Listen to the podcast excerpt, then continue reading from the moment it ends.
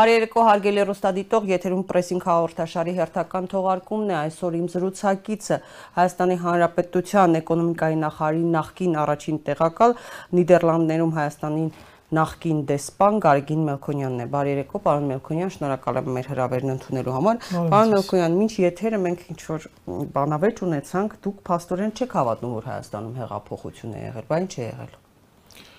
Գիտեք, եթե խոսում ենք բարերի կամ սահմանումների մասին, ապա պետք է նախ եւ առաջ հասկանանք, թե ինչ է նշանակում որ բառը կամ որ սահմանում ինչ է նշանակում։ Եթե փորձենք ողջել թե ինչ է նշանակում հեղափոխություն, ապա գրականության մեջ կհանդիպենք հետեւյալ սահմանմանը, որ դա ժողովրդի լայն հատվածի ներգրավմամբ համապատասխան ավելի կարճ ժամանակահատվածում երկրի իրավական կառուցակարգի փոփոխությունն է, որը իրականացվում է համանդրական նորմերի, համանդրական հիմքերի փոփոխմամբ։ Այո, 18 թվականին եղել է ժողովրդի լայն ներգրավվածություն, եղել է փոփոխություն, բայց ոչ թե երկրի իրավական կառուցակարգի, այլ եղել է իշխանության փոփոխություն։ Հայաստանում համանդրական նորմերը չեն փոխվել, երկրի պետական մոդելը չի փոխվել, այնպիսի երկիր, ինչպիսին էր 18-ի մարտին նկատի ունեմ պետական համակարգի կառուցվածքի երկրի պետական մոդելի տեսանկյունից այդպիսին է նաև փոփոխությունից հետո նույնիսկ նաև պարլամենտական փոփոխություններից հետո հետեւաբար ես կարծում եմ որ տեղի ունեցածը դա իշխանապողություն է միգուցե ժողովրդի լայն զանգվածների ներգրավմամբ բայց ամեն դեպքում դա հեղափոխություն կոչելը իմ կարծիքով ճիշտ չէ իսկ տնտեսական հեղափոխություն որի մասին ասում են իշխանությունները? Տնտեսական հեղափոխություն մասին խոսելից առավել եւս պետք է նայել թե ինչ է նշանակում միգուցե իշխանությունը կամ քաղաքական թիմը քաղաքական տեխնոլոգիաների կիրառման, բրենդավորման, ռետորաբանության տեսանկյունից կարող է նմանատիպ բառեր կամ բրենդավորում իրականացնել, բայց ինչ է նշանակում դրանք պատմության մեջ կամ գրականության մեջ վերջի անգամ տնտեսության մեջ հեղափոխություն տերմինը հանդիպում է 18-րդ դարում Անգլիայում, երբ որ խոսում են արդյունաբերական հեղափոխության մասին, երբ մի անձի կողմից ստեղծվող արտադրանքի գործընթացը փոխարինվում է մեկ massայական մեքենայացմամբ, հա, հիշում ենք այդ իլիկների օրինակը եւ այլն, որ այսպես ասած կոչվեց արդյունաբերական հեղափոխություն։ Ինչ տնտեսական հեղափոխության մասին է խոսքը։ Մենք ուզում ենք երկրի տնտեսական մոդելը փոխել։ Ես կարծում եմ, որ այստեղ խոսք պետք է գնա, ընդհանրում եմ, որ խոսքը գնում է էական ակտիվ մեծ տնտեսական աճ ապահովելու մասին, օգտագործելով այդ հեղափոխության, այսպես ասած, բրենդային տերմինոլոգիան, բայց եթե նորից զուտ մասնագիտական տեսանկյունից վերցնենք, վերցնենք, ապա տնտեսական հեղափոխություն տերմինոլոգիան կիրառելը կարծում եմ նույնպես տեղին չի, չասեմ նույնիսկ, որ որևէ նախադրյալ ըստ էության վերջին երկու տարվա մեջ ստեղծված էլ չէ, որ երկրում ունենանք ոչ միայն հեղափոխական, այսպես ասած, ինչպես ասվում են, աճ, կտրուկ աճ, այլ նույնիսկ բնականon աճ ապահովելու համար ըստ էության ռեֆորմներ չեն իրականացվել։ Ձեր կարծիքով հեղափոխությունը որպես բրենդ հնարավոր է, այսպես ասած, վաճառել դրսում, հա, դրսի ներդրողներին վաճառել։ Գնորդ կա? Դե իշխանությունները ասում էին Նիկոլ Փաշինյանը ասում էր որ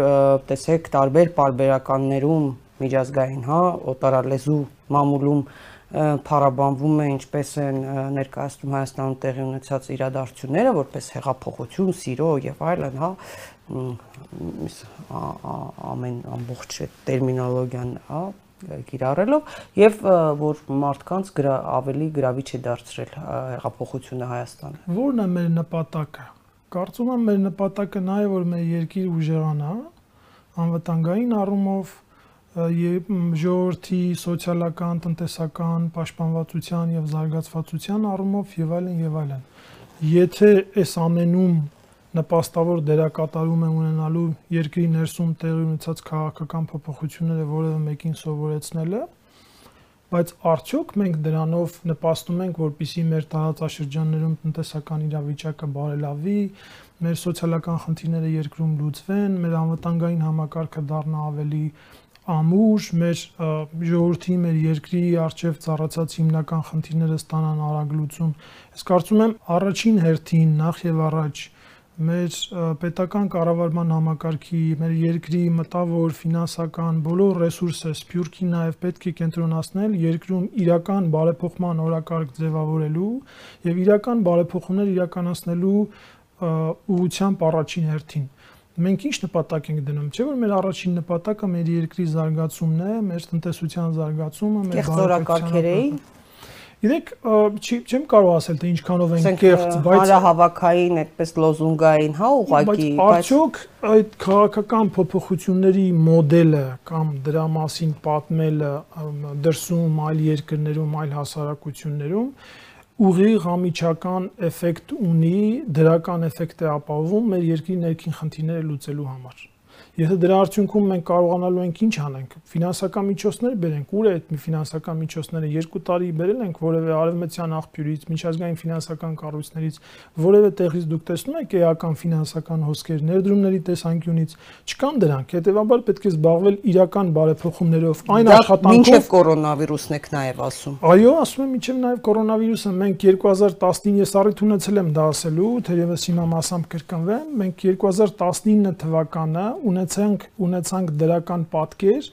որոշակի նախկինից թողնված պայմանավորվածությունների արդյունքում իներցիոն հոսքերի հիման վրա նկատի ունեմ հատկապես նաև ավտոմեքենաների ներմուծումը։ Այո։ Ավտոմեքենաների ներմուծումը որպես մի լոկալ օրինակ ունեցավ մեր երկրի տնտեսության համար շատ էական, հատկապես 19 թվականի համար շատ էական ազդեցություն, թե ընդհանուր ցուցանիշների գեներացման առումով, թե բյուջետային մուտքերի գեներացման առումով, թե նաև իր մուլտիպլիկատիվ էֆեկտով ընդհանրապես երկրի ներսում ինչ կատարվեց ես նորից եմ ասում, եթե մենք ճունենայինք նույնիսկ վիրուսը, որը սկսվեց մարտին, մենք 20 թվականի ընթացքում չենք ունենալու այնպիսի տնտեսական աճ, ինչպիսին ունեցել էինք 19 թվականին, որովհետև ռեֆորմներ արված չէին, որպես որովհետև էական նախադրյալներ լուրջ կտրուկ տնտեսական զարգացման համար իրականացված չէին եւ այն իներցիոն հոսքը, որը կար մեքենաներով պայմանավորված, որը որոշակի այլ գործոններով պայմանավորված, դրանք ընդհատվեցին 19 թվականի վերջին։ Շատ բան կախված է նաեւ ընդհանուր հոգեբանական մտնոլորտից, հասարակության մեջ շատ բան կախված է նաև քաղաքական տեխնոլոգիաներից, այն ինչ որ կիրառում է, կիրառվում է ձևավորվեց որոշակի դժգոհության ալիք, որը որ հնարավոր հնարավոր եղավ որոշակի քաղաքական տեխնոլոգիաների արդյունքում բավական, այսպես ասած, թափ տալ, Իհարկե կային նաև խնդիրներ, կային նաև բաստողումներ, որի մասին նաև քաղաքական թիմը նախկին իշխանությունը նախկին նախկինում իշխանություն ունեցող քաղաքական թիմը բազմիցս խոսվել է եւ այդ ամենի արդյունքում թերևս համադրմամբ տեղի ունեցավ այն ինչ որ տեղի ունեցել այո, մենք ունեցել ենք տնտեսական աճ,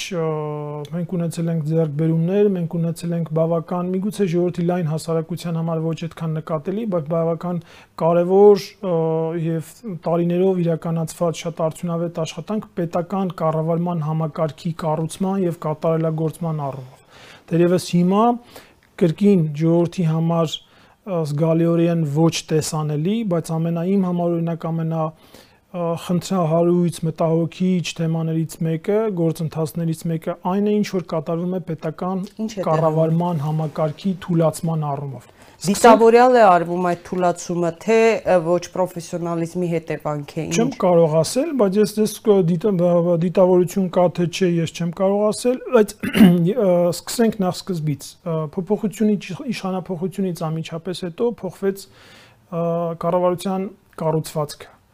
վերացվեցին մի քանի նախարարություններ, որոնք որ ես կարծում եմ շատ սխալ էր։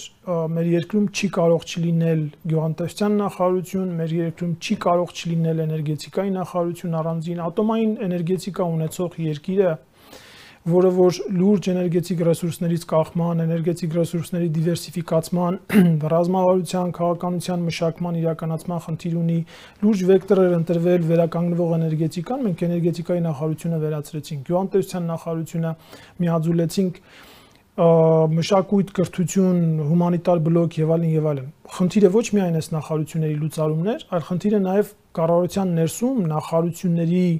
գործառութային խմբավորման անհամաչափություններն է ստեղծված։ Մենք ունենք տեղեկատվական տեխնոլոգիաներով զբաղվող նախարարություն, որը գրեթե մի վարչության գործառույթ է իրականացնում, բայց մենք ունենք նախարարություններ, որտեղ որ սկսած տրանսպորտ, կապ, ընդերք, էներգետիկա, տարածքային կառավարում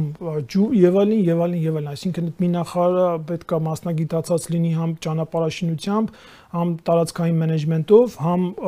ատոմակայանի ինչ որ ներքին խոհանով, որովհետև նախարարն է ի վերջո որոշում կայացնելու։ Լավ, էներգետիկա, գյուղատնտեսություն չափազանց կարևոր ոլորտներ ինչու տնտես եւ տնտեսական առումով, սոցիալական առումով, քաղաքական առումով, արտաքին քաղաքական առումով, ինչու այդպես վարվեցին։ Այդ հարցի պատասխանը պետք է տան որոշում ընդունողները։ Ես կարծում եմ, որ ժամանակին սխալ որոշում ընդունվեց, կառավարության կառուցվածքը սխալ ձևավորվեց եւ արվեց դրա հաջորդ քայլը, որը որ բերեց ավելի վատացման։ Տեսեք, մենք ղեկավար մարմիններում, որոնք որ մեր օրենսդրությամբ համաձայն համարվում են քաղաքական հայեցողական պաշտոններ, massական նշանակեցին քաղաքական փոփոխությունների արդյունքում մարդկանց, որոնք որ փորձառություն պետական համակարգում շատերը, ոչ բոլորը, բայց շատերը փորձառություն պետական համակարգում չունեն։ Եկ ես չեմ ուզում, որ իմ ասածը ընկալվի որպես որևէ մեկի անձի կամ խմբի նկատմամբ կշտամբան կամ վիրավորանք քավլիցի բայց այստեղ կա խորքային խնդրեմ, երբ որ դու նշանակում ես փոխնախարար կամ նախարար կամ մարզպետ կամ փոխմարզպետ անձի, որը որ իր յենթակայի չափորոշիչներին նույնիսկ չի բավարարում։ Մենք ունենք բավական մեծ թվով փոխնախարարներ, որոնք որ եթե ուզենանք օրենսդրության սահմանված կարգով նշանակենք բաժնի պետ կամ վարչության պետ, չեն կարող որովհետև չեն բավարարում այն բանը չեն անցնի ոչ թե քնություն չեն անցնի օրենքով սահմանված աշխատանքային փորձի կրթության նկատի ունեմ մասնագիտական կրթության աշխատանքային փորձի եւ այլն չափանիշներին չեն բավարարում Հիմա դուք տեսեք, այդտեղ որոշումների կայացման համակարգում մենք ունենում ենք արդեն խնդիր, որովհետև անձը քաղաքականություն գեներացնող մարմնի ղեկավարն է, պետք է ղեկավարի այդ համակարգը ինքը պետք է որոշում ընդունի։ Սրան գումարած կա նաև բարոյական խնդիր է, որովհետև մարդ, որը որ ընդունվել է մասնագետ, հետո աշխատել է որպես բաժնի պետ, չարչարանք եւ ժամանակա տրամադրում իր վրա աշխատում, որ կարող է կարիերային աճ ունենա, դառնա փոխնախարարը, մեկ է տեսնում է իր ղեկավար նշանակում են մեկին, որ որ այդ ճանապարհը չի անցել։ Ոչ այն ճանապարհը այդ գիտելիքները չունի ընդհանրապես։ Հիմա արդյունքում արդյունքում ինչ ստացվեց այս ամեն ինչի, որ մենք որոշումների ընդունման մեջ, նաեւ պետական համակարգի ներքին տեղեկատվական հոսքերի կառավարման որոշումների ընդունման առումով ունեցան խնդիրներ։ Դա բերեց մի այլ երևույթի, որ շատ տեղերում սկսվեցին անհամաձայնություններ ներքին, շատերը այս մամուլով հանդիպում էինք, որ չգիտեմ, սաբոտաժ է արվում եւ այլն, այ բերեց միջին օղակի շատ մասնագետների օղակի թողնում դուրս են գալիս համակարգերից։ Մենք այսօր շատ նախարարություններում տեղեր ունենք, որ երկար ամիսներով, նույնիսկ որոշ տեղերում տարիով թափուր վարչության պետերի, բաժնի պետերի պաշտոններ ունենք։ Ինչպես պետքա պետական համակարգերից պարագայում գեներացնի խելամիտ մտածված որոշումներ, խելամիտ մշակված քաղաքականություն եւ հետո ապահովի դրա կիրարկումը։ Եթե դու պետական համակարգը նմանատիպ տանում ես թուլացման, այնուհետև ակնկալել, որ ինքը արդյունավետ գործի, դժվար է։ Ես կարող մի քանի նախարարությունների օրինակով, օրինակ նույն չգիտեմ, էկոնոմիկայի եթե խոսում ենք տնտեսության մասին, հա, այնտեղ բիզնես միջավայր, փոքր միջին բիզնես, ներդրումային քաղաքականություն եւ այսինքն այստեղ վարչության պետերի ու բաժնի պետերի կան, որ մի տարուց ավել թափ հաստիկները թափուր են ով պետք է դրանով զբաղվի։ Ինչի մասն եք ասում, շրջակա միջավայրի նախարարը չկա, արդեն 1 ամսից ավել չունենք, փաստորեն պետք է։ Մոտավորապես 1 ամիս նախարար հրաժարականը ինչի չի լրացվում այս թափուր պաշտոնը։ Էլի մենք էսպես Նախ չի մեկնա բացատրություն չի տրվում, թե ինչու հրաժարական ներկայացրեց հա, դիմում գրեց եւ փաստորեն դրա կարիք չկար, բայց փոխարենը այդ օպտիմալացման անվան տակ ասում էին պարոն Մելքոնյան, որ կրճատումներ պետք է անեն, օպտիմալացնեն, խնայողություններ անեն եւ այլն։ Որքանով որ ես տեղյակ եմ, այո, ամբողջ գործընթացը արվեց այն նպատակով, այն ներկայացմամբ, որ օպտիմալացվում է եւ ծախսերը խնայվում են, բայց որքանով որ ես տեղյակ եմ, ներկայումս հաստիկների ավելացում է եղել եւ ոչ թե կրճատում։ Օրերս մամուլում հրապարակվեց օրինակ սոցիալ նախարար Զարուհի Բաթոյանը որքան հիշում եմ 14 խորհրդականի հաստիկ է ավելացրել բան լավ օպտիմալացում է դեռ մի անգամ կարճ առիթ ունեցանք խոսելու ես այդպես էլ արձագանք չստացա պետական մարմիններից օրինակ նմանատիպ իմ կարծիքով շատ սխալ որոշման հետևանք էր նաև Business Armenia հիմնադրամի օրինակը։ Պետությունը 10 եւ ավել տարիներ գործող պետական կառավարման ներողություն պետական հիմնարկը հիմնադրամ կարգավիճակով ուղղակի օտարեց եւ տվեց որևէ ֆիզիկական անձի։ Ո՞վ է այդ ֆիզիկական անձը։ Էական չի։ Այստեղ անձը ընդհանրապես էական չի։ Միգուցե մարդը որ աշխատել է որ բայց բայց երևույթը է, չէ՞ ոնց որ հա- պետական համակարգ համալսարանը ոնց որ հիմնադրամի է վերածել, հիմա տան մասնավոր որևէ մեկին, հա։ Երևանի պետական համալսարանը նույնպես հիմնադրամ է, հիմա ոնց որ վերցնեն տան ինչ որ մի անձի։ Հա, այդ նույնն է ոնց որ Երևանի պետական համալսարանը ուղղակի առանց մրցույթ, առանց որևէ ընթացակարգ տալիս են մի ֆիզիկական անձի, հետո որոշում են ընդունում 1-2 ամիս հետո գնալ Երևան պետական համալսարանից իր շենքն ու մեքենա սեղանաթորները վերցնեն ու ասեն վերջ համալսարանը քոնն է մենք հետո ուզում ենք որ դրական արդյունք ստանանք, ունենանք, այսինքն ճիշտ ընդունված որոշումներ, ունենանք խրախուսման նորմալ միջոցառումներ, ունենանք նա էֆեկտիվություն այս կառավարման արդյունքում։ Գիտեք, արդյունքը ձևավորվում է ճիշտ թիրախային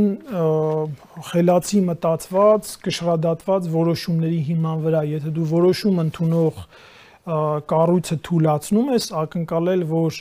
քաղաքականության առումով գեներացվելու են խելացի մտածված որոշումներ, դժվար է։ Պետական ապարատը պետք է շատ զգուշորեն վերաբերվել նման կտրուկ փոփոխությունների, որովհետև դա վերականգնելը կամ ստեղծելը մեկ շաբաթյա, մեկ շաբաթվա կամ մի ամսվա գործ չի, պետք է նմանատիպ որոշումներին վերաբերվել շատ մեծ պատասխանատվությամբ, հակառակ դեպքում դա հետագա շատ ավելի մեծ ժամանակահատվածի համար երկրի համար գլխացավանքներ կստեղծի։ Մի առիթով պետական կառավարման համակարգի այս վիճակը համեմատել եք այսպես անհամաչափ մարդու հետ, երբ որ ասենք մի ձեռքը երկար է, մյուսը շատ կարճ է, ոտքը մեծ է, գլուխը միականջը փոքր, մյուսը մեծ, հա, այս պատկերն է ստացվում, հա, պետական կառավարման համակարգում տիրող իրավիճակը, հա, այս կառուցվածքային համատությունը իհարկե տեղին է, որովհետև նախ ոլորտային տիրույթով ճիշտ խմբավորում է պետք անել, 1, երկրորդ նախարարությունների ոլորտային ծածկույթի, հետևաբար նաև նախարարների ֆունկցիոնալ զբաղվածության տեսանկյունից պետք է համաչափ բաշխել։ Չի կարելի ստեղծել մի մարմին, որ ունի շատ փոքր գործառույթ, հետևաբար այդ նախարարը կամ նախարարությունն ունենալու է շատ թեթև զբաղվածություն, դրան զուգահեռ ստեղծել մի մարմին, որը որ իրար հետ ոչ այդքան շատ կապակցված 5, 6, 7 ոլորտային թեմաներ ունի։ Գիտեք, նախարարը ինչքանով էլ որ խելացի լինի, ինչքանով էլ որ փորձի բոլոր ոլորտներում խորանա, ինքը ստիպված է լինելու մի օրվա մեջ ընդունել որոշումներ նորից նույն օրինակը բերեմ թերևս կրկնվեմ, ենթադրենք ճանապարհատրանսպորտային գործընթացների մարզպետարանի աշխատանքի ատոմականի կառավարման ընդերքի մյուսի մյուսի հետ այդպես այդ դե դեպքում բոլոր նախարարությունները միացնենք մի նախարարություն ստեղծենք իսկ դուք կարող էիք օրինակ ասենք շաբաթվա ընթացքում ամեն օր Facebook-ով լայվ մտնելով, ասուլիսներ տալով, հա, օրը մի քանի անգամ լայվ մտնելով, ինչ որ բան անելով կարողանայիք պրոդուկտիվ աշխատել։ Կարող էիք որպես նախարարի առաջին տեղակալ նախքին Պաշտոնյայի եմ հարցը սուղում։ Եկեք չարձագանքեմ այդ հարցին, կարծում եմ բարձ արձագանք։ Պարոն Մելքոնյան, հրապարակվել են Հայաստանի տնտեսության առաջին 4 ամիսների ցուցանիշները եւ դրանց համաձայն ունենք 1.7% տնտեսական անկում։ Մարտ-ապրիլին երկու ամիս անընդմեջ տնտեսության մեջ անկում է արձանագրվել, ընդ որում բավական խորը։ Ապրիլին այն գերազանցեց փաստորեն 17%-ը, գրեթե բոլոր ոլորտներում ունենք կտրուկ վատացում։ Ինչ եք կարծում, եթե կառավարությունը ժամանակին համապատասխան քայլեր իրականացներ համավարակը կանխելու ուղղությամբ, տնտեսության կորուստները նույնը կլիներ, թե պատկերը ավելի լավ կլիներ։ Կարծում եմ, որ այն քայլերը, որոնք որ ձեռնարկվեցին համաճարակի տարածման կանխման առումով ուշացած էին, որովհետև մենք ըստ էության հիմնական քայլերը սկսել ենք մարտի երկրորդ հատվածում, երբ որ արդեն པարզ էր, որ վարակը երկրում է, երբ որ արդեն པարզ էր, թե օրինակները կային տարբեր երկրում, թե դա ինչ արագությամբ է տարածվում, ես ձերից տաղավարում առիթ ունեցել եմ ասելու, որ վարակը վիրուսը ի տարբերություն նախ այլ վիրուսների առնվազն 3 յուրահատկություն ունի։ Ինքը կարող է մարդը վարակվել եւ լինել անսիմպտոմ, հետեւաբար տարածել, հետեւաբար թաքնված տարածումը շատ մեծ ռիսկային է այս վարակի պարագայում։ Հետեւաբար կարծում եմ, որ այո, միջոցառումները պետք է սկսվե, սկսվեին անհամեմատ ավելի շուտ եւ անհամեմատ ավելի էֆեկտիվ։ Ցավոք մենք ունենք այն ինչ որ ունեցել ենք, որը որ իր ուղակի ազդեցությունն է ունենալու երկրի ընդհանուր տնտեսական, ֆինանսական իրավիճակի վրա, ցավոք ունենալու է նաև շատ նկատելի սոցիալական խնդրահարույց ազդեցություն ընդհանուր մենք ընդհանուր առմամբ տարին կունենանք շատ դժվար տարի։ Գիտեք, նաև մեր նախքին խոսացած թեմայի առումով համաճարակ վիրուսը, այս ոչ ստանդարտ իրավիճակը ինչ որ առումով նաև այսպես ասած ստրես թեստ էր կառավարության, պետական կառավարման համակարգի գործունեության համար։ Նման իրավիճակներում է, որ երևում երևում է, թե քո պետական համակարգը ինչքանով է ունակ, էֆեկտիվ, թիրախային,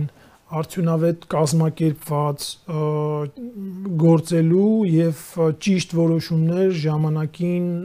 գեներացնելու տեսանկյունից մենք ցավոք սրտի պետք է արցանագրենք, որ այս դաշտում մենք ունեցանք շատ մեր բացեր, որը որ մասամբ նաև բացատրվում է այն ամեն ինչով, ինչի մասին, որ ես խոսում եի պետական համակարգի, ինստիտուցիոնալ բաժանվածության, մասնագետների հոսքի, առաջացած որոշակի անհամաձայնությունների, որոշումների կայացման խնդիրների եւ այլնի եւ այլնի առումով։ Բայց նորից մենք 18-19 թվականները ցավալիորեն բաց թողեցինք երկրում էական ռեֆորմներ իրականացնելու առումով մեր տնտեսությունը կարիք ունի լուրջ համակարգային ռեֆորմների, այն ինչ որ վերաբերվում է բիզնեսին, տնտեսական գործունեությանը, բիզնես ընթացակարգերին, ներդրումային գրավչությանը եւ այլն։ Հայաստանը, որպիսի ունենա առողջ տնտեսական միջավայր եւ զարգացում, առնվազն ընդհանուր բիզնես պատկերով, միջավայրով, գրավչությամբ պետք է ավելի բարեկեցիկ պատկեր ունենա, ավելի մեծ գրավչություն ունենա, քան Վրաստանն է։ Հակառակ դեպքում ինչի ավելի, որովհետև Վրաստանը արդեն իր աշխարհագրական դիրքով ելք դոպի դեպիցով շահեկան դիրքերում է։ Այսինքն մենք համեմատական առավելության տեսանկյունից պետք է շահենք մեր բիզնես միջավայրի ավելի գրավչությամբ, մեր ներդրումային օրենսդրության ավելի կատարյալ լինելով եւ այս մասով ցավոք սրտի ամեն դեպքում 18-19 թվականներին աշխատանք գրեթե ընդհանրապես չի իրականացվել։ Իսկ դուք տեսնում եք, որ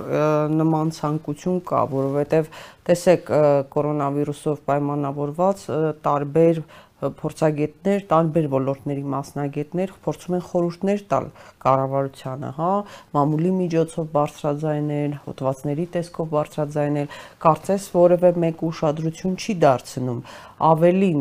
դուք ինքներդ տեսաք, որ առողջապահության նախարարը կնույնիսկ թերագնահատեց մեղմ ասած Վրաստանի կանխարգելման գործողությունները կորոնավիրուսի, որը դիվանագիտական որոշակի սկանդալի առիթ դարձավ, չէ, նույնիսկ տարբեր պաշտոնյաներ Վրաստանից շատ կոշտ արձագանքեցին Արսեն Թորոսյանի այդ հայտարարությանը։ Դուք տեսնում եք, որ կառավարությունը փորձում է այդ դիսկուրսը վարել, լսել խորհուրդներ, հա օգտվել փորձագետ փորձագիտական տեսակետներից, մասնագիտական կարծիքներից օգտվել։ Տեսնում եք դա։ Գիտեք, ցավոք սրտի ես այն ինչ որ տենում եմ մեր հասարակության մեջ տեղի ունենում որպես հանրային դիսկուրս, շատ հեռու է նրանից, թե ես ինչ կուզենայի տեսնել կարծում եմ կարելի է արցանագրել, որ հանրային դիսկուրսը, որ տեղի ունենում մեր հասարակության մեջ, մեծավ մասամբ վերաբերում է միջանձնային հարաբերություններին, ինտենսիվ նաև կառավարության իշխող քաղաքական թիմի կողմից օրակարգ է բերվում ֆինանսական գույքային ռեսուրսների վերաբաշխման թեմատիկան, գույքի բռնագանձման օրենք, բանկային գաղտնիք, այսինքն օրակարգեր են ձևավորվում, որոնք նույնիսկ հաջողությամբ կիրառելու, կիրարկելու պարագայում դժվար թե դրանք համարվեն են ամենաառաջնային կարևորները, որոնք որ պետք է նպաստեն երկրի զարգացմանը։ Եթե ուշադիր նայեք, դրանք ըստ էության մեծ հաշվով երկրի տնտեսության առողջացման, տնտեսական process-ների ել ավելի արագ զարգացման առումով նորից եթե նույնիսկ հաջողությամբ ստացվի այդ ամենը իրականացնել, դա չի փոխելու այդ պատկերը։ Մենք խոսում ենք շատ կոռուպցիայի մասին, հա։ Իհարկե կոռուպցիան խնդրահարույց է երկրի տնտեսական զարգացման առումով։ Չկա որևէ երկիր, որտեղ կոռուպցիա չլինի, չկա որևէ մարդ, որ ասում է, որ կոռուպցիան լավ երևույթ է, բայց միաժամանակ ես չեմ կարծում, թե կոռուպցիան համար մեկ խնդրեմն է։ Նույնիսկ եթե կոռուպցիան մենք իջեցնենք շատ մինիմում մակարդակի, դա չի նշանակում, որ ներդրումները միանգամից սկսելու են հոսել Հայաստան։ Դա չի նշանակում, որ որևէ երկրում կոռուպցիա չկա։ Այդ եմ ասում ասել, որ կոռուպցիայի նվազեցմամբ, կոռուպցիայի դեմ պայքարով չպետք է զբաղվել, իհարկե սխալ է, այսինքն կոռուպցիայի դեմ պետք է հետևողական, խիստ, նաև քաղաքական կամքի հիման վրա միջոցներ ձեռնարկել, բայց միայն դրանով երկրի տնտեսական զարգացում ապահովել հնարավոր չէ։ Երկրի մեր երկրի պարագայում պետք են լուրջ ֆինանսական հոսքեր, ներդրումային հոսք է, որի իրականացման ճանապարհը երկրում բիզնես միջավայրի ընթացակարգերի մասով իրական բարեփոխման օրակարգ ձևավորելն է եւ անպայման դրա հետեւողական կիրարկումը։ Ես չեմ տեսնում, որ ընդհանրենք մեր ներդրումային օրենսդրության մասով, ընդհանրենք բիզնես գործընթացների parzեցման մասով, ընթացակարգերի parzեցման մասով այս շրջանում որևէ քննարկում, օրենսդրական նախաձեռնություն, քննարկում Այդ նշաձողը հանրային դիսկուրսի որակի նշաձողը ով է դնում։ Գիտեք, ով է դնում։ Իհարկե հիմնականում այն միավորները, այն բևերները, որոնք որ խոսք ունեն ասելու քաղաքական, այսպես ասած, դիսկուրսի տիրույթում։ Բնականաբար առաջին հերթին իշխող քաղաքական ուժը եւ նաեւ այն քաղաքական ուժերը, որոնք որ ինչ որ առումով նաև հասարակության շրջանում տեսանելի են հասարակական կարծիքի վրա ունեն իրենց որոշակի ազդեցությունը, ունեն իրենց հետևորդները եւ այլն։ Իրապես ես կուզեի, որ մենք գնալով ավելի ու ավելի քիչ ամենօրյա ռեժիմով տարվենք այդ միջանձնային խնդիրներին, անընդհատ դրանց քննարկմանը, որովհետև դրանցից ըստ էության երկիրը չի շահում ցանկացած լուծման պարագայում։ Հյուծվում է ավելի։ Պարոն Մկրան, հիշում եք ժամանակին, ինչ այս իրադարձությունները հեղափոխական կամ իշխանապողության, հա, իրադարձությունները նույն ընդդիմությունը, ասենք ժամանակին, երբ որ Նիկոլ Փաշինյանն էլ էր ընդդիմություն ու շատ ընդդիմադիր ուժեր խոսում էին սերիալների մասին, հիշում եք հերոստա սերիալների լեզվի, բառակույտի մասին, բայց հիմա տեսնում ենք այդ սերիալներում, հերոստա սերիալներում այն քննադատվող բառակույտը հիմա դարձել է իշխող քաղաքական ուժի ամենօրյա լեքսիկոն շփման միջոց քաղաքական հակառակորդներ, ասենք քաղաքական հակառակորդների հետ, հասարակության հետ, հասարակության առանձին ներկայացուցիչների գործարար խավի առանձին մարդկանց։ Ես ցավում եմ տեսնում, նայում այն երբեմն ինչ որ կատարվում է նաև մեր սոցիալական ցանցերում, որովհետև գիտեք ամեն հասարակության մեջ կան տարբեր շերտեր, կա փողոցային լեքսիկոն, կա փողոցային մտածելակերպ, կա մտավորականություն, կան ոլորտային Գիտեք, չկա հասարակություն, որ այդ իր շերտերը չունենա, բայց շատ կարևոր է, որ ամեն հասարակության մեջ յուրաքանչյուր խմբավորումը եւ շերտը մնա իր տեղում։ Չի կարելի փողոցային լեքսիկոնը բերել եթեր, չի կարելի փողոցային լեքսիկոնը բերել ընդհանուր ժողովրդական, պետական մակարդակի շփման տիրույթ չի կարելի չի լինի մտածել որ դրանք պետք է վերանան, բայց դրանք չպետք է իրենց տեղերից դուրս գան եւ հայտնվեն ուրիշ միջավայրում, հա, այսինքն այստեղ խնդիրը նաև այդ յուրաքանչյուր բնույթի, եթե կուզեք մտածելակերպի, լեքսիկոնի, ապրելակերպի նաև իր տիրույթից դուրս գալու խնդիր է։ Այս դեպքում ընդհանուր առմամբ հասարակությունն է խնդիր ունենում։ Ես ցավում եմ արցանագրում, որ երբեմն այնպիսի քննարկումներ, ինչպիսին տեղի են ունենում սոցիալական ցանցերում, սոցիալական ցանցերում եք ասում ազգային ժողովում կարծում եմ կարծում եմ սոցիալական ցանցերը համարենք փողոցը, այսպես ասած։ Իվերջո որոշակի գործընթացներ նաև էմոցիոնալ ֆոն լիցքաթափվի եւ մենք բոլորս լծվենք այնպիսի օրակարգի, այնպիսի ծրագրի իրականացմանը, որը նպատակ ունի լավացնելու երկիրը, կարգավորումը, ինչ որ մի բարիք ստեղծելու, որովհետև այն ինչ որ այս մեր խոսացածի շրջանակներում կատարվում է, նորից եմ կրկնում, եթե նույնիսկ հաջողի, դրանից ենթադրենք մեր փոքր քաղաքում ապրող մի ընտանիք չի շահելու ցանկացած պարագայում, որովհետև իր համար իր բիզնես իրականացնելու, գործ դնելու կամ չգիտեմ, աշխատատեղ ստեղծելու տեսանկյունից որևէ պայման չի փոխվելու։ Այսինքն իսկ մենք ժամանակ ստացվում է չենք ծախսում հենց այդ ամենը իրականացնելու համար, որ ամենակարևոր հենց գործառույթն է։ Պարոն Մելքոնյան, կառավարություն նախ ճշտեմ համավարակի հետևանքով ձեր կարծիքով ինչեւ որ կարող են հասնել Հայաստանի տնտեսության վնասները, ինչ մակարդակի, ինչպիսին կլինի աճը, տնտեսական անկումը տարեվերջին։ Ես նկատել եմ դուրս ինչ որ առումով հրաապարակված 2-ից 2.4% հնչեցված ցուցանիշ նկատի ունեմ հնայի անկման առումով բայց եւ նաեւ արցանագրեմ մի հետաքրքիր տեղեկատվություն, որ օրեր առաջ հրապարակվեց ֆինանսների նախարարի կողմից, որ իր հարցազրույցում ասեց, որ հնայ ներկա պահին ունեցած պատկերի հիման վրա կատարվող գնահատականը հուշում է, որ հնայի մասով պակասուրդը առնվազն այս պահի դրությամբ մոտավորապես կազմում է 600 միլիարդ դրամի սահմաններում։ Իհարկե նախարարը տոկոս չհնչեցրեց, բայց եթե մենք գնահատում ենք 600 միլիարդ դրամը մեր հնայում ինչ տոկոս է կազմում, կարծում եմ կարելի է արձանագրել, որ տոկոսը, հա, կգերազանցի։ Կարելի է արձանագրել, որ այս պահի դրությամբ մոտավոր պատկերը նա է, որ արդեն իսկ մոտավորապես ունենք մոտ 9% հնայի կարգի անկում, 9%-ի կարգի հնայի անկում 600 միլիարդը դա մոտավորապես 8.9%-ն է կազմում մեր հնային ինչպիսի հետագա զարգացումներ կլինեն, տարբեր տնտեսագետներ տարբեր մեթոդոլոգիաներով տարբեր թվեր են հնչեցնում, այստեղ թիվը կանխատեսելը կամ հաշվարկելը չէ խնդիրը։ Կարծում եմ այստեղ ավելի շատ պետք է լավ մտածել, թե ինչպիսի գործիքներ ենք մենք կիրառում, ֆինանսական աջակցության, ոչ ֆինանսական ընթացակարգային քայլերի փոփոխությունների առումով, որպիսի օգնենք տնտեսության հատկապես այն ճյուղերին, որոնք որ ունեն առավելապես մեծ խոցում այս ճգնաժամի արդյունքում։ Տեսեք, կառավարությունը բերեց գործիքներ,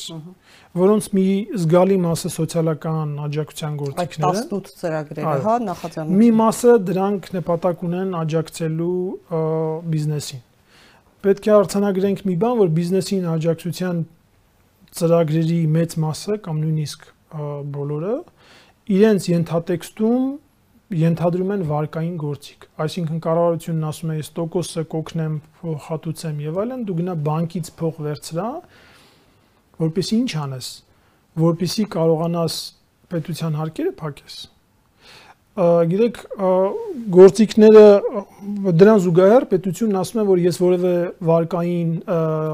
ներողություն հարկային արձակուրդ չեմ տրամադրում, որևէ հարկային հետաձգում չեմ անում եւ այլն։ Ասած դեմ է դրան։ Այսինքն ստացվում է, որ օգտագործելով ֆինանսական գործիքը, օգտագործելով բանկային համակարգը, մենք օգնում ենք մասնավոր հատվածին, որ ինքը կարողանա կատարել իր ֆինանսական պարտավորությունները, այդ թվում միգուցե նաև առաջին հերթին պետության նկատմամբ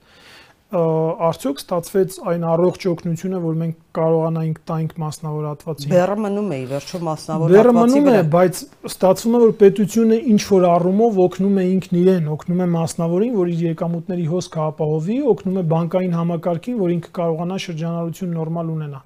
կան բավական լավ կատարված են բանկերը, հա,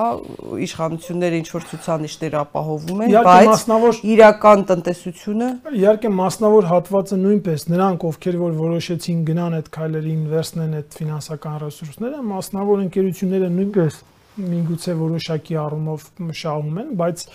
չեմ կարծում թե որոշ ոլորտների պարագայում, սա ընդգծում եմ, որոշ ոլորտների պարագայում, որոնք որ շատ-շատ են խոցվել այս ճգնաժամի պատճառով, դա այն բավարար աջակցություններ, որը կարող էր եւ պետք է տար կառավարությունը։ Տեսեք, կան բավական լավ կատարված ուսումնասիրություններ միջազգային փորձի տեսանկյունից տարբեր երկրներում ինչպիսի գործիքներ են աջակցության գործիքներ են կիրառվել։ Նախ ընդհանուր փաթեթի առումով 150 միլիարդ դրամը, որը հրապարակվել է, կազմում է մեր հնայի մոտարապես 2.2-2.3%-ը։ Նախ եւ առաջ ընդգծեմ, որ 150 միլիարդ դրամ հրապարակվել է, դրա մի մասն է դեռևս ծախսվել եւ ամբողջ ներարկվել եւ դեռ ամբողջը չի ներարկվել, իսկ ժամանակը այստեղ աշխատում է տնտեսության մասնավորի ի վնաս, պետք է արագ դանել եւ երկրորդ, եթե վերցնում ենք թե հնայի հետ հարաբերակցությամբ այդ աջակցության փաթեթը ինչ տոկոս է կազմում, մենք կտեսնենք, որ Հայաստանը ամենափոքր աջակցության փաթեթ բերած երկրների թվում է եթե մեր պարագայում 2-2-2-3% այնտեղ երկրների մեծ մասը խոսում են անհամեմատ ավելի մեծ, միջև 10% կա նաև հզոր տնտեսություն ունեցող երկրների պարագայում շատ ավելի մեծ փաթեթներ, օրինակ Գերմանիան աջակցության փաթեթը կազմել է հնայի 60%-ի սահմանը։ Տեսեք, Եվրոպական հանձնաժողովը պատրաստակամություն հայտնեց մակրոֆինանսական աջակցության շրջանակներում շուրջ 3 միլիարդ եվրոյի աջակցություն ցուցաբերել մի շարք երկրների, բայց Հայաստանը դուրս մնաց այդ աջակցությունից։ Մենք չունենք այդ գումարների կարիքը, հա, կարծես Ատոմ Ջանջուղազյանն էլ այսպես շրջանցեց վերջերս մի հարցազրույցում այդ գումարներից ստացվում է մենք նախապատվություն տալիս ենք արժույթի միջազգային հիմնադրամի, հա, IMF-ի աջակցությանը եւ պակաս կարևորում ենք Եվրոպական հանձնաժողովի, հա, աջակցությանը, ինչպես է ստացվում։ Ճգնաժամը թանկ գումար եւ այսպես ասած դրամաշնորներ։ Մենք նախընտրում ենք թանկ գումարը Ճգնաժամը բնականաբար բերելու է տնտեսական անկման, բնականաբար բերելու է բյուջետային մուտքերի անկման։ Ինչ պետք է անի կառավարությունը, բնականաբար նաև մեր պարագայում, քանի որ մեր պահուստները առանձնահատուկ շատ մի բարվոք վիճակում չեն, դիմում է նաև պարտք ավելացնելուն։ Հրապարակվել է, որ խոսք գնում է 260 միլիարդ դրամ պարտք վերցնելու մասին, որpիսի կարողանան ֆինանսավորեն ընթացիկ ծախսերը, միգուցե նաև մասամբ կարողանան ավելացնել կապիտալ ծախսերը, որոնք որ իրականացվում են պետական բյուջեից։ Ես այստեղ նախ եւ առաջ մի հարցադրում ունեմ, առնվազն ես չեմ հանդիպել պաշտոնական տեղեկատվության, որը որ ասում է, որը որ նախատեսում է, որ բյուջեի ծախսային հատվածը ենթակա է լինելու վերանայման։ Ինչի եմ սա իմաստավորման։ Ինչի եմ սա ընդգծում, որովհետև 20 թվականի բյուջեն պլանավորելիս 19 թվականին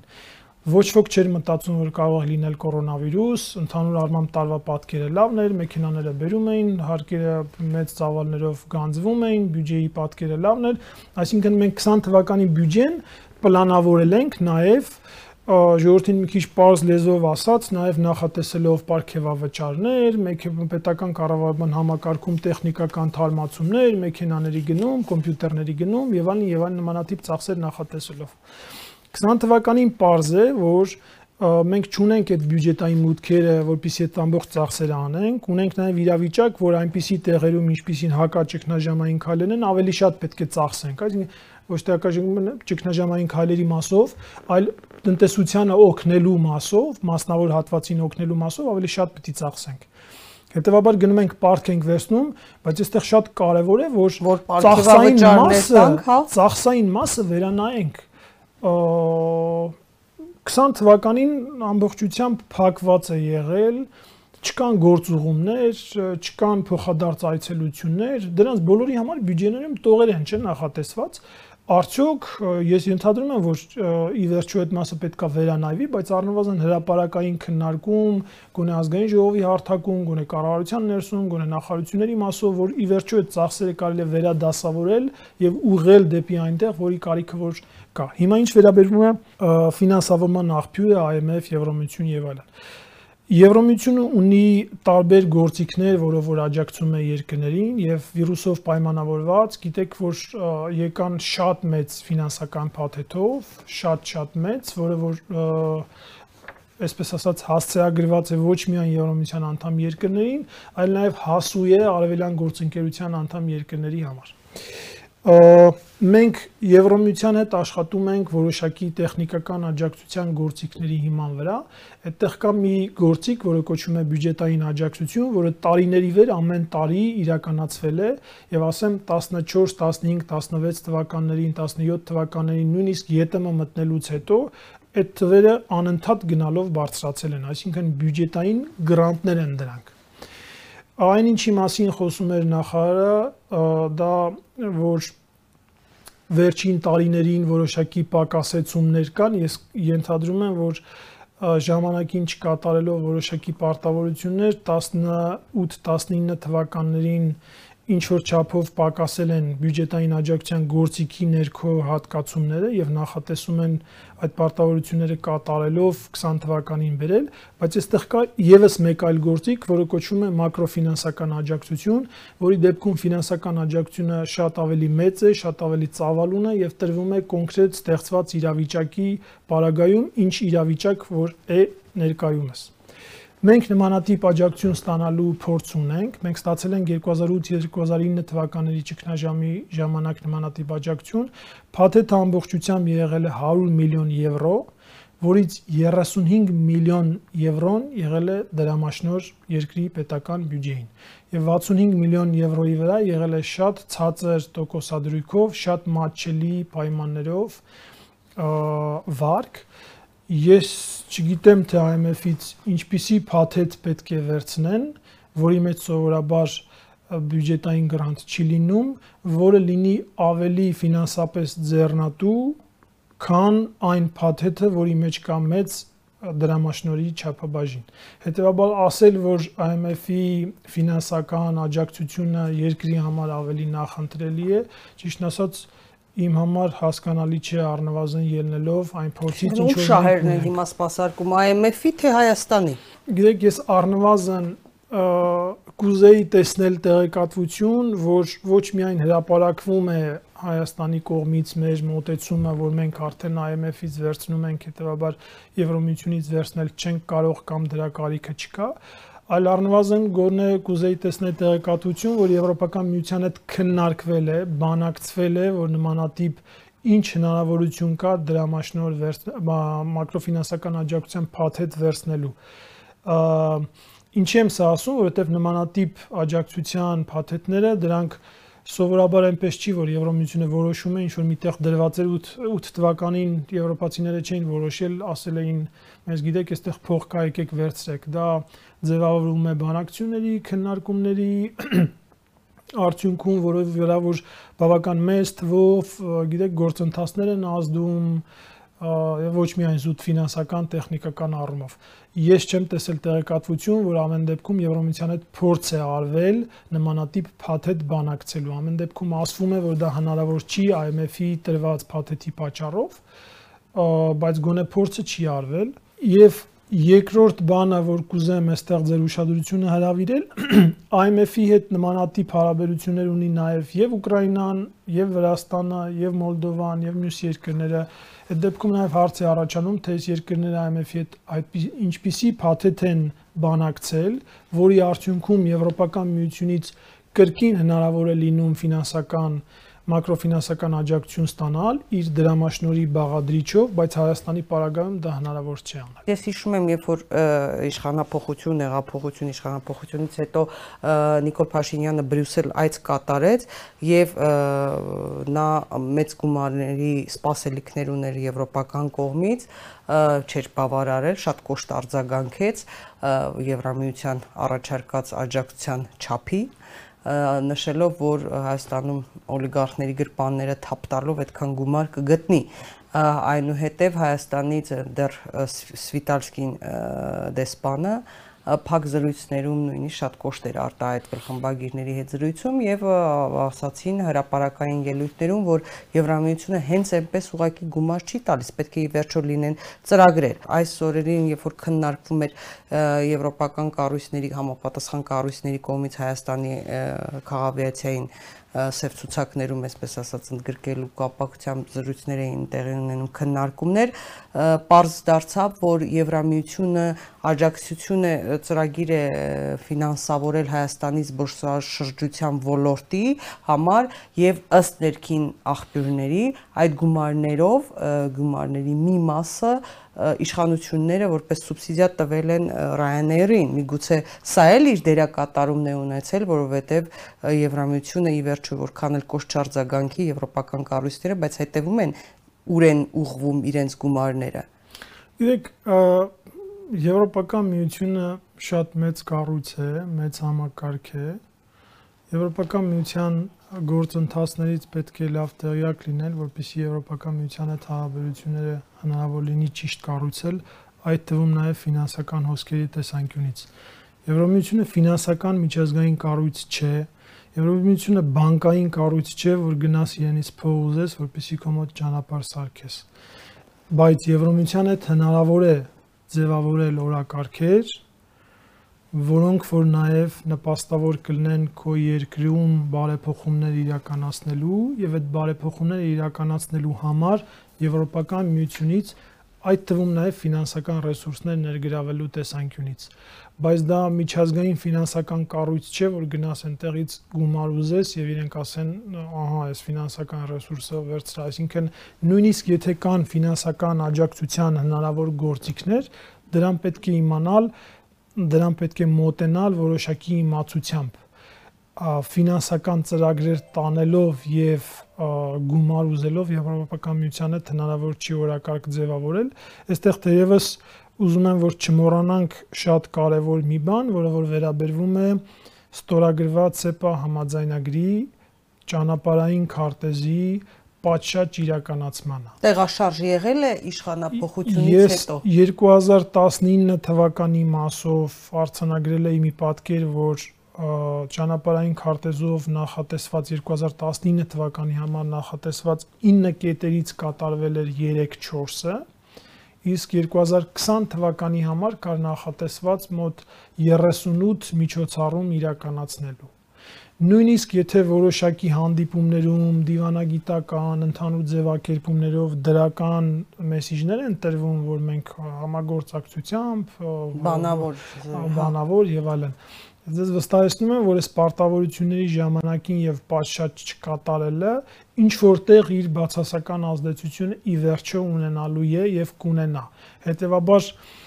մենք 20 թվականի արդեն կեսն ենք հաշվի առնելով նաև համաճարակով պայմանավորված, որ պետական կառավարման համակարգում շատերը ռեգուլյար աշխատանքի էլ չեն գնում, շատ կարևոր է, որ մենք տարվա վերջ չունենանք պատկեր, որ այդ պարտավորությունները, որոնք որ ժամկետով ֆիքսվել էին, որ 20 թվականին պետք է կատարվեն, դրանց մեծ մասը չեն կատարվել։ Դա իր բացասական ազդեցությունը ունենալու է ոչ միայն ընդհանուր երկխոսության, այլ նաև զանազան տեղերից որոշակի նեգատիվ պատկեր ստեղծելով։ Նաև եւս մեկ այլ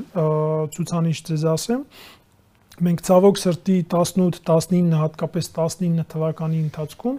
ունենք բավական չափելի եւ նկատելի անկում Եվրոպական միության աջակցության գործիքների Հայաստանում կիրառման մասով։ Նոր twinning չի սկսվել 19 թվականի ընթացքում իրականացված TAEX միջոցառումները պլանավորվել էին անհամեմատ ավելի մեծ թվով իրականացվել են ավելի քիչ, մյուս գործիքների մասով էլ իրավիճակը շատ այդպես բարվոք չի, իսկ եթե Եվրոպական միության կողմից կիրառվող աջակցության գործիքները բավարար չափի չի կիրառվում Հայաստանում, հետեւաբար ակնկալել ընդհանուր ձևավորված օրակարգի Հայաստան Եվրոմիություն բարեփոխման օրակարգի պատշաճ իրականացում, պարտավորությունների ժամկետի կատարում բնականաբար չի լինի։ Կրկին, եթե այն ինչ որ նախատեսված է դու չես անում, որpիսի այդ պարտավորությունները ժամանակին լինեն, վերջում պատկերը ունենալու ես, որ ինչ-ինչ բաներ ժամկետում չարվեցին եւ դրա բացասական ազդեցություն է ունենալու նաեւ ընդհանուր այն դիալոգի վրա, որը որ իրականացվում է Եվրոպական միության հետ։ Այսինքն ստացվում է ավելի հեշտ է իշխանությունների համար IMF-ից թանկ գումարներ վերցնել, հա, քան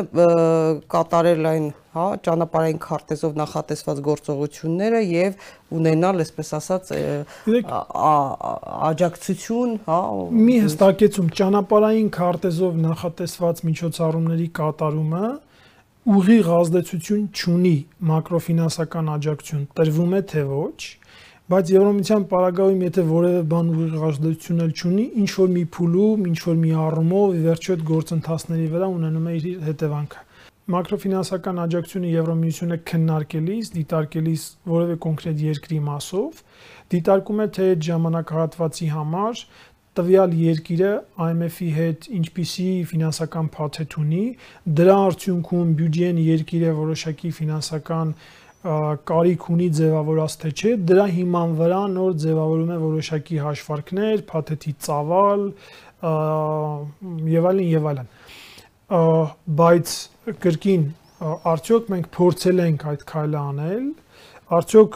բանակցություն վարվել է թե ոչ։ Նույնիսկ արտաքին պարտքը սпасարկելու առումով մենք բանակցել ենք արդյոք որ երկարաձգենք կամ փոփոխենք ժամկետները եւ այլն հայտնի չէ։ Ըստ ամեն դեպքում փաստ է որ մեր հարևան երկրները, արևելյան գործընկերության անդամ մյուս երկրները ամեն դեպքում իրենց համար հասանելի է դառնում եւ ասեմ որոշ երկրների պարագայում փաթեթները բավական մեծ են իր դրամաշնորի բաղադրիչով հանդերձ։ Գիտեք, եթե դրամաշնորը լիներ 3, 4, 5%-ի սահմաններում, ես միգուցե շատ չֆիքսեի դրա վրա, բայց եթե փաթեթի մեջ 30%, 20%, 35%-ի չափ դրամաշնորի բաղադրիչ է լինում, այդ դեպքում ես ես առնվազն գոնե մի քիչ ավելի շատ ջանք կներդնեի, որpիսի դրա հնարավոր լինելը կամ չլինելը ստուգեի կամ քննարկեի։ Լավ, իսկ կարող է իշխանություններից ինչ որ ինչ-ինչ անձինք ինչ որ շահեր ունեն, ունեն, որ այսպես ասած գնում են դեպի IMF-ի կողմը։ Ես չեմ կարող այդ հարցին արձագանքել։ Որովհետև անհասկանալի է։ Պարոն Մելքոյան, փաստորեն ֆինանսների նախարար Ատոմ Ջանջուղազյանն էլ պաշտոնապես հայտարարել էր, որ եկամուտները չեն հերիքելու պլանավորված ծախսերն անելու համար եւ դրա համար էլ 260 միլիարդ դրամի լրացուցիչ պարտվերցնելու կարիք կա։ Մյուս կողմից, ինչպես դուք նշեցիք, այո, 20 թվականի բյուջեով բազմաթիվ, այսպես ասած, հոդվածներ հավելավճարների, հարկային մաքսային մարմինների աշխատողների ապարքեվատրում, քաղաքացիական դատական եւ պետական ծառայողների ապարքեվատրում եւ այլն տարբեր հոդվածներով կարելի էր կրճատել։ Մյուս կողմից մենք ստացվում է պարկ ենք բերում, որpիսի այդ պարքեվավճարները տանք, ավելացրած, ասենք թե 10-ից ավելի խորհրդականների հաստիկներ ենք ավելացնում, չգիտեմ, ինչ ինչ որ միջոցառումներ ենք հիմա նաև այս կորոնավիրուսի շրջանակներում իրականացնում, կապ չունի արդյունավետ գործիք է, արդյունավետ չէ։ Ստացվում է մենք բերում ենք գումար, որpիսի դա մարենք։ Տեսեք, իդեպ Ատոմ Ջանջուղազյանը որը նախկին իշխանությունների օրոքել պաշտոնավարել է, նա հիմա պաշտոնյաների պարգևավճարների մասին իդեպ խոսելիս ասել է, որ դա բյուջեի մաս է, միջին չափը 30%-ն է, յուրաքանչյուրի աշխատավարձի 30%-ի չափով է ապարքեվաճար նախատեսված եւ ասում է ըստ գնահատականների վարձատրությունը պետական համակարգում աշխատողների առնվազն պետք է լինի աշխատուժի շուկային համարժեք, մինչդեռ այսօր էլ դեռևս նույնիսկ այդ ապարքեվաճարների հանգամանք հաշվի առնելով պետական հատվածի աշխատակիցների միջին աշխատավարձն ավելի ցածր է, քան թե մասնավոր հատվածի միջին աշխատավարձերը Նույն Ատոմ Ջանջուղազյանը ինքը ստացել է միլիոնների հասնող, միլիոնավոր դրամների հասնող ապարքեվավճարներ իր տեղակալներով եւ այլն, ասենք այս տվյալները ես բազմիցս եմ հրապարակել, ասենք վարչապետի աշխատակազմի 2018 թվականի մայիսի 9-ից մինչև 31 դեկտեմբերի 2019 թվականը ստացվել է տրվել են 2 միլիոն 580 հազար դոլարի ապարքեվավճարներ։ Հիմա երբ որ ասում է բյուջեի մաս է ու սա նորմալ է, մինչև աշխատավարձերի հարցերը կարգավորենք, այսպես ենք հարցը լուծում, դուք նորմալ եք համարում այն ինչ որ ասում է Ջանջուղազյանը այն որ պետական համակարգում աշխատավարձերը պետք է լինեն մրցունակ, որբիսի այսպես ասած ստիմուլ լինի պետական համակարգում որակյալ մասնագետի ներգրավելու, մնալու, աշխատելու, իհարկե այդ մասով համաձայն եմ, բայց Պարքեվավճարների գաղափարը նաև պետք է լինի արդար, արդարացված եւ նաև խելամտորեն բաշխված եւ խելամտորեն որոշակի համակարգի ներքո կիրառվող։ Այո, նախկինում գործում էր մի մոտեցում, որ ապարքեվավճարը պետք է լինի ոչ ավել, քան աշխատավարձի 30%-ը։ Ես վերջին հրապարակումներում, վերջին շրջանի հրապարակումներում մենք հանդիպում ենք, որ նույնիսկ դա հավասարեցվում կամ նույնիսկ ավել է լինում, քան աշխատավարձը։ Դա մեկ, որը կարծում եմ այստեղ կա որոշակի անելիք, Երկրորդ, երեք մենք բոլորս հասկանում ենք, որ այս տարի ունենալու ենք դժվար տարի բոլորիս համար։ Տնտեսական առումով, սոցիալական առումով, մասնավոր հատվածի համար, բոլորի համար բոլորս պետքա մտնենք տարվա կտրվածքով մի ռեժիմի մեջ, որը որ նաև ենթադրում է տնտեսում, կորոնավիրուսով պայմանավորված է, այսինքն ստացվում է իրենք ստանում են միլիոնների հասնող, միլիոններից գերազանցող ապարքեվավճարներ, իսկ շարքային քաղաքացուն, այսպես ասած, ասում են գնա օգտվի անտոկոս վարկերի, չգիտեմ, տարվա բարդությունը իր տնտեսական հետևանքներով, համաճարակով եւ այլն եւ այլն։ Այսինքն սա եւ տնային տնտեսություններին, եւ մասնավոր բիզնեսին, եւ պետությանը ստիպում է, որpիսի ինքը իր ծախսային տեսանկյունից լինի մի քիչ ավելի տնտեսող, լինի մի քիչ ավելի, այսպես ասած, պահպանողական, լինի մի քիչ ավելի զուսպ եւ լինի մի քիչ ավելի խիստ, թե ինչի վրա ծախսի, ինչի վրա չծախսի եւ այլն ժողովուրդը սիրում է ասել գոտիները ձգելու, այո, այս տարին բոլորիս համար, այդ թվում նաև պետական կառավարման համակարգի համար պետք է լինի գոտիները ձգելու տարի եւ այն ծախսերը, ես նշեցի, որոնք որ նախատեսված են, որոնք որ մենք կարող ենք թույլ տալ մեզ ոչ համաճարակային իրավիճակում մի քանի հատ մեքենա գնել, մի քանի հատ նոր կոմպյուտեր գնել եւ այլն, այս ծախսերը միգուցե պետք է նաև վերանայել, հա, շատ գործուղումներ ունենալ, չգիտեմ, ապարքեվավճարներ շատ տալ եւ այլն։ Քանի որ չկան այն հանգիստ եկող ֆինանսական հոսքերը, որոնք որ կարող էին լինել, եթե իրավիճակը այսպեսին չլիներ եւ այլն եւ այլն։ Հետեւաբար քաղաքացու վրա խոսում են, հոխորտում են, մուննաթ են գալիս, որ ոնց թե դժգոհում եք դիմակը թանկ է օրը մի քանի անգամ որ պիտի փոխեք այս կորոնավիրուսի կանխարգելման նպատակով մուննաթ են գալիս, որ մարդիկ ասում են չեն կարողանում ապրել, չի բավականացնում կոմունալ վճարումները կամ չգիտեմ ես անել, անել մուննաթ են գալիս, բայց իրենք չեն ուզում հրաժարվել այդ միլիոնների հասնող ապարքեվավճարներից, դեռ ասում է բան է, դեռ նույնիսկ դա քիչ է։ Եթե ընդհանրացնենք ընդհանուր առմամբ, ապա 2020 թվականի մասով բյուջեի ծախսային մասում կարծում եմ իհարկե վերանայումների կարիք կա նախ պայմանավորված գործընթացներով, հա, ես այնպիսի ծախսեր կային նախատեսված, որը պրակտիկորեն չի էլ հնարավոր չի էլ լինելու իրականացնել։ Երկրորդ տնտեսումների մասով որոշակի ավելի ֆոկուս ունենալու տեսանկյունից եւ երրորդ ստեղծված իրավիճակից ելնելով ծախսային հատվածի որոշակի վերաբաշխումներ անելու մասով Եվ այս ընդհանուր կոնտեքստի ներքո իհարկե դիտարկելով նաև նախկինում ձևավորված ապարքեվավճարների ֆոնդի նույն չափով պահպանելու նպատակարարության հարցը։ Միգուցե ոչ զրոյացնել, բայց առնվազն գոնե որոշակի այնտեղից էլ մասանումներ անել, որոշակի տեղերից էլ վերցնել, ձևավորել ինչ որ մի ֆոնդ, որը որ կարելի է ուղղել այս իրավիճակում ավելի Բայց սա կոռուպցիա չէ։ Բյուջեից օրինակ ինչ տա, ինչ կապ ունի բյուջեից են վերցնում։ Ես սովոր եմ նմանատիպ բառեր կամ տերմիններ օգտագործելուց դիտենք դրա իրավական կամ սահմանումային հատված, հա։ Մենք ինչ ենք հասկանում կոռուպցիա ասելով։ Բյուջեից, կոնկրետ պետ բյուջեից երբեմն երբ որ դրանք հասնում են շատ չկազմակերպված ընթացակարգերից դուրս եկող նորմերից գրված եւ չգրված նորմերին գերազանցող չափաբաժինների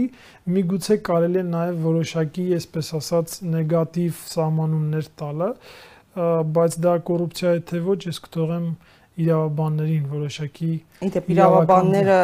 այս տաղավարում որոշ իրավաբաններ այդ մասին խոսելիս ասել են, որ դա կոնկրետ կոռուպցիա է։ Պարոն Մելքոնյան,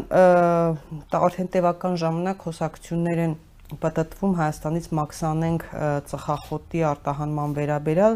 որը կապվում է վարչապետ Նիկոլ Փաշինյանի ընտանիքի անդամների հետ, մերձավորների հետ։ Նիկոլ Փաշինյանը այս կամ այն կերպ փորձում է շրջանցել, բայց այսպես ուղիղ պատասխան դեռ նաև համապատասխան գերատեսչություններից հարկային մարմինները լինեն մաքսային դեռ հասարակությանը չի տրվել որոշ գնահատականներով կամ որոշ գործիչների հասարակական քաղաքական գործիչներ, այսպես կամ իշխանամերձ գործիչներ ասում են, որ ԵԱՏՄ-ն ընդհանուր մաքսային տարածքում ենք եւ որևէ խնդիր չի կարող լինել, նույնիսկ գործիչներից մեկը զուգահեռ անցկացրեց, թե տեսեք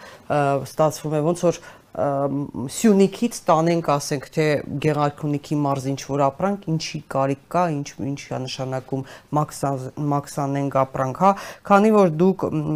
բավական երկար ժամանակ զբաղվել եք հա այդ ԵԱՏՄ համագործակցության փաստաթղթի վրա եւ այդ ամբողջ կարգավորումների վրա աշխատել եք կարող եք ասել ինչ է տեղի ունեցել ձեր կարծիքով եւ արդյոք այդտեղ ակցիզի խնդիր չէր առաջանալու եւ պետք է ունենա Հայաստանից արտահանվող, ասենք օրինակ Վորոնեժ կամ օրինակ ասենք Աբխազիա, հա, այսպես ասած, այս խնդրում եմ, այս ինֆորմացիաների տիրույթում բացատրեք, ակցիզի անհրաժեշտություն չի լինում, որովհետեւ եթե ակցիզից խուսափում են, գերշահույթ են ունենում հետեւաբար, այստեղ արդեն կոռուպցիոն երևույթ կա։ Խնդրում եմ բացատրեք, ինչպես են կարգավորումները։ Նախ եւ առաջ եկեք փորձենք արցանագրենք թե որոնք են փաստերը եւ դրա հիման վրա փորձենք վերլուծել։ Հրապարակվել է տեղեկատվություն, համաձայն որի Հայաստանից արտահանված սիգարետի խմբականակ խմբականակի վրա կալանք է դրվել Ռուսաստանի Դաշնությունում, քանի որ եղել է որոշակի փաստաթղթային ձևակերպումների խախտումներ։ Որքանով որ ես տեղակ եմ, այստեղ կարևոր է նաև ձևակերպումները, հա։ Այսինքն Հայաստանից Ռուսաստան տեղափոխված ապրանքի վրա այնտեղ տեղում դրվել է կալանք։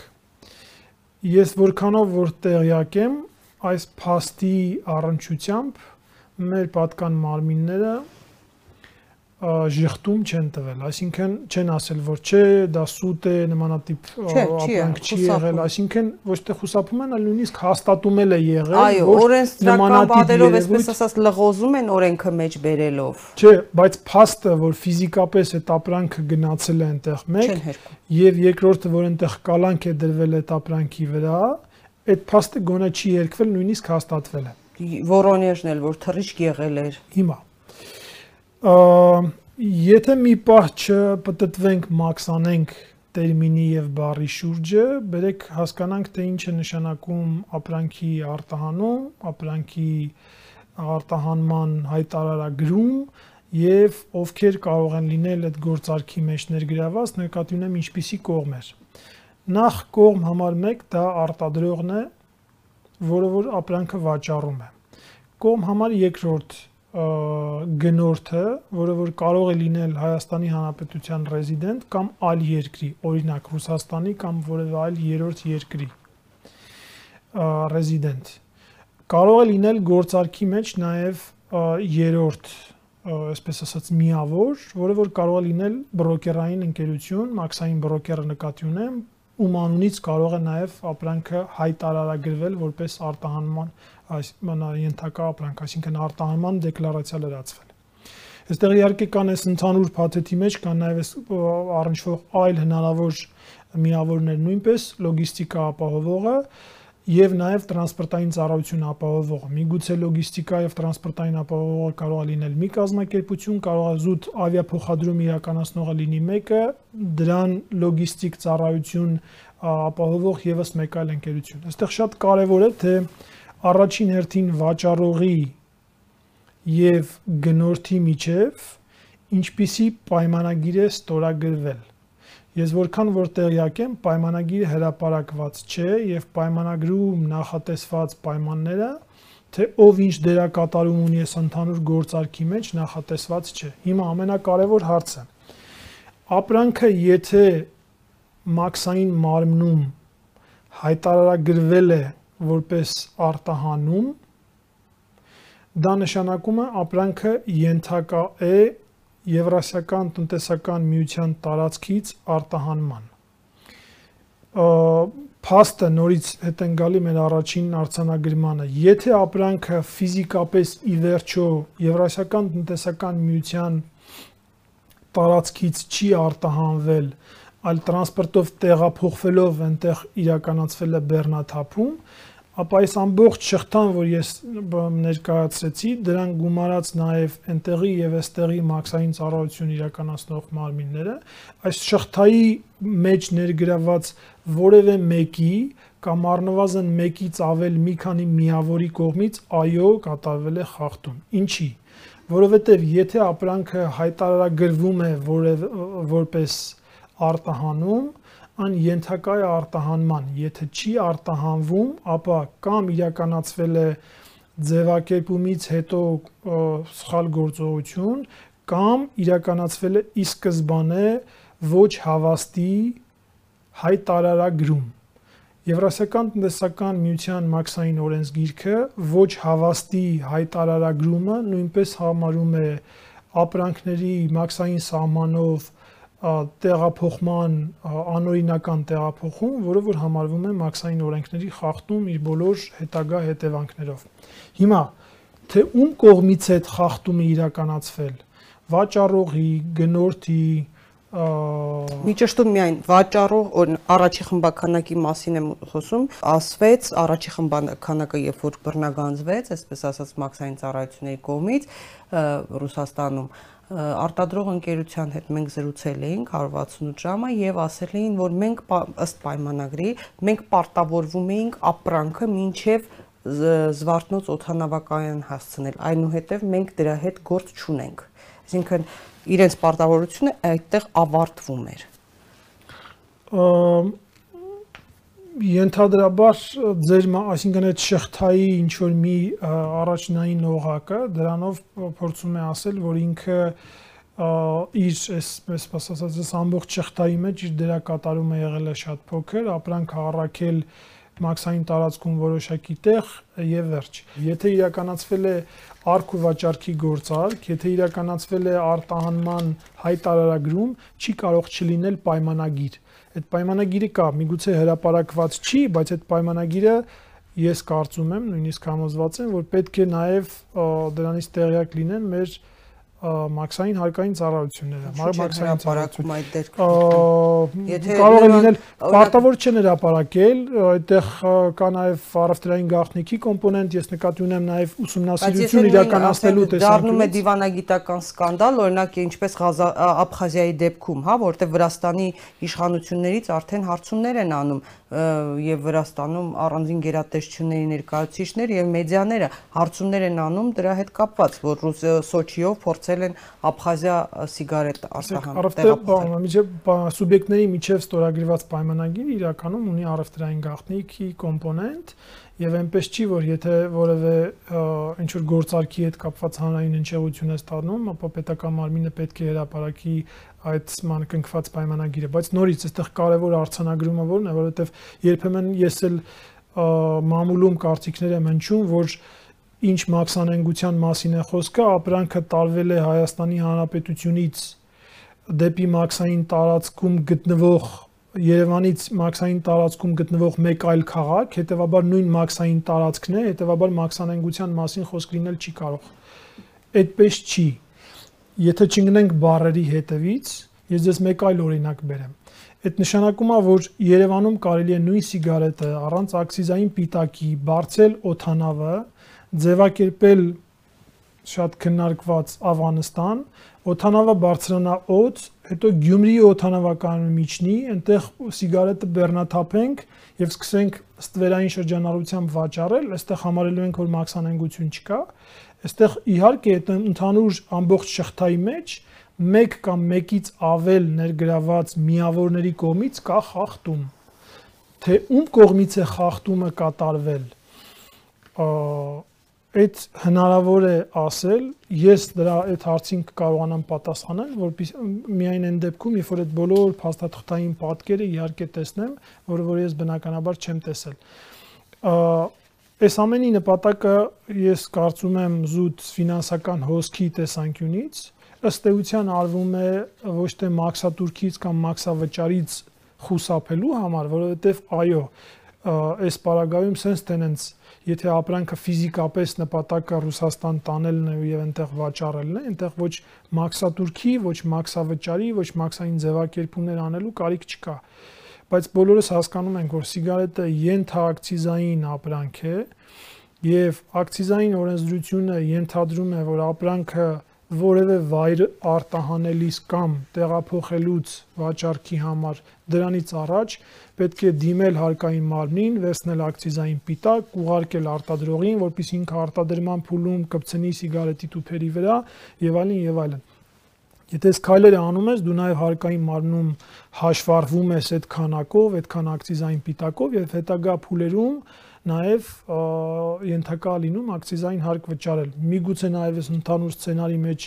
ինչ որ առումով նաև նպատակը եղել այլ արկատեսակներ չվճարել, օրինակ ավելացված արժեքի հար կամ ուրիշներ, ես չգիտեմ, բայց առնվազն այս ամբողջ պատմության նպատակը ենթադրում է, որ խուսափելն է եղել ակցիզային հարկից օգտագործելով որոշակի մաքսային ձևակերպումների ոչ ճիշտ հնարավոր ճանապարհներ։ Եթե ամփոփենք, ապա կրկին քանի որ խախտվել է, ապա այդ շղթայի որևէ մասնակցի կողմից, մեկ կամ մի քանի մասնակիցների կողմից իրականացվել է խախտում։ Խախտումն արկա է շղթայի որ հատվածում դա արդեն պետք է parzեն պատկան մարմինները։ Այսինքն ստացվում է, եթե ակցիզը հա, չես խփում, գերշահույթներ ես ունենում։ Այո, իհարկե։ Սա որովհետև եթե ակցիզը չի խփվում, հարկը չի վճարվում եւ ապրանքը հետագայում ենթակա լինում ստվերային շրջանառության, հարկային պարտավորություններ չեն առաջանում եւ այլն Շնորհակալ եմ պարոն Մելքոնյան, հետաքրքիր զրույցի համար։ Հարգելի ռոստադիտող, այսօր այսքան է իմ հյուրն էր Հայաստանի Հանրապետության էկոնոմիկայի նախարարի նախկին առաջին տեղակալ Նիդերլանդներում Հայաստանի Հանրապետության նախկին դեսպան Գարեգին Մելքոնյանը։ Կհանդիպենք առաջիկայում։ Բարի գիշեր։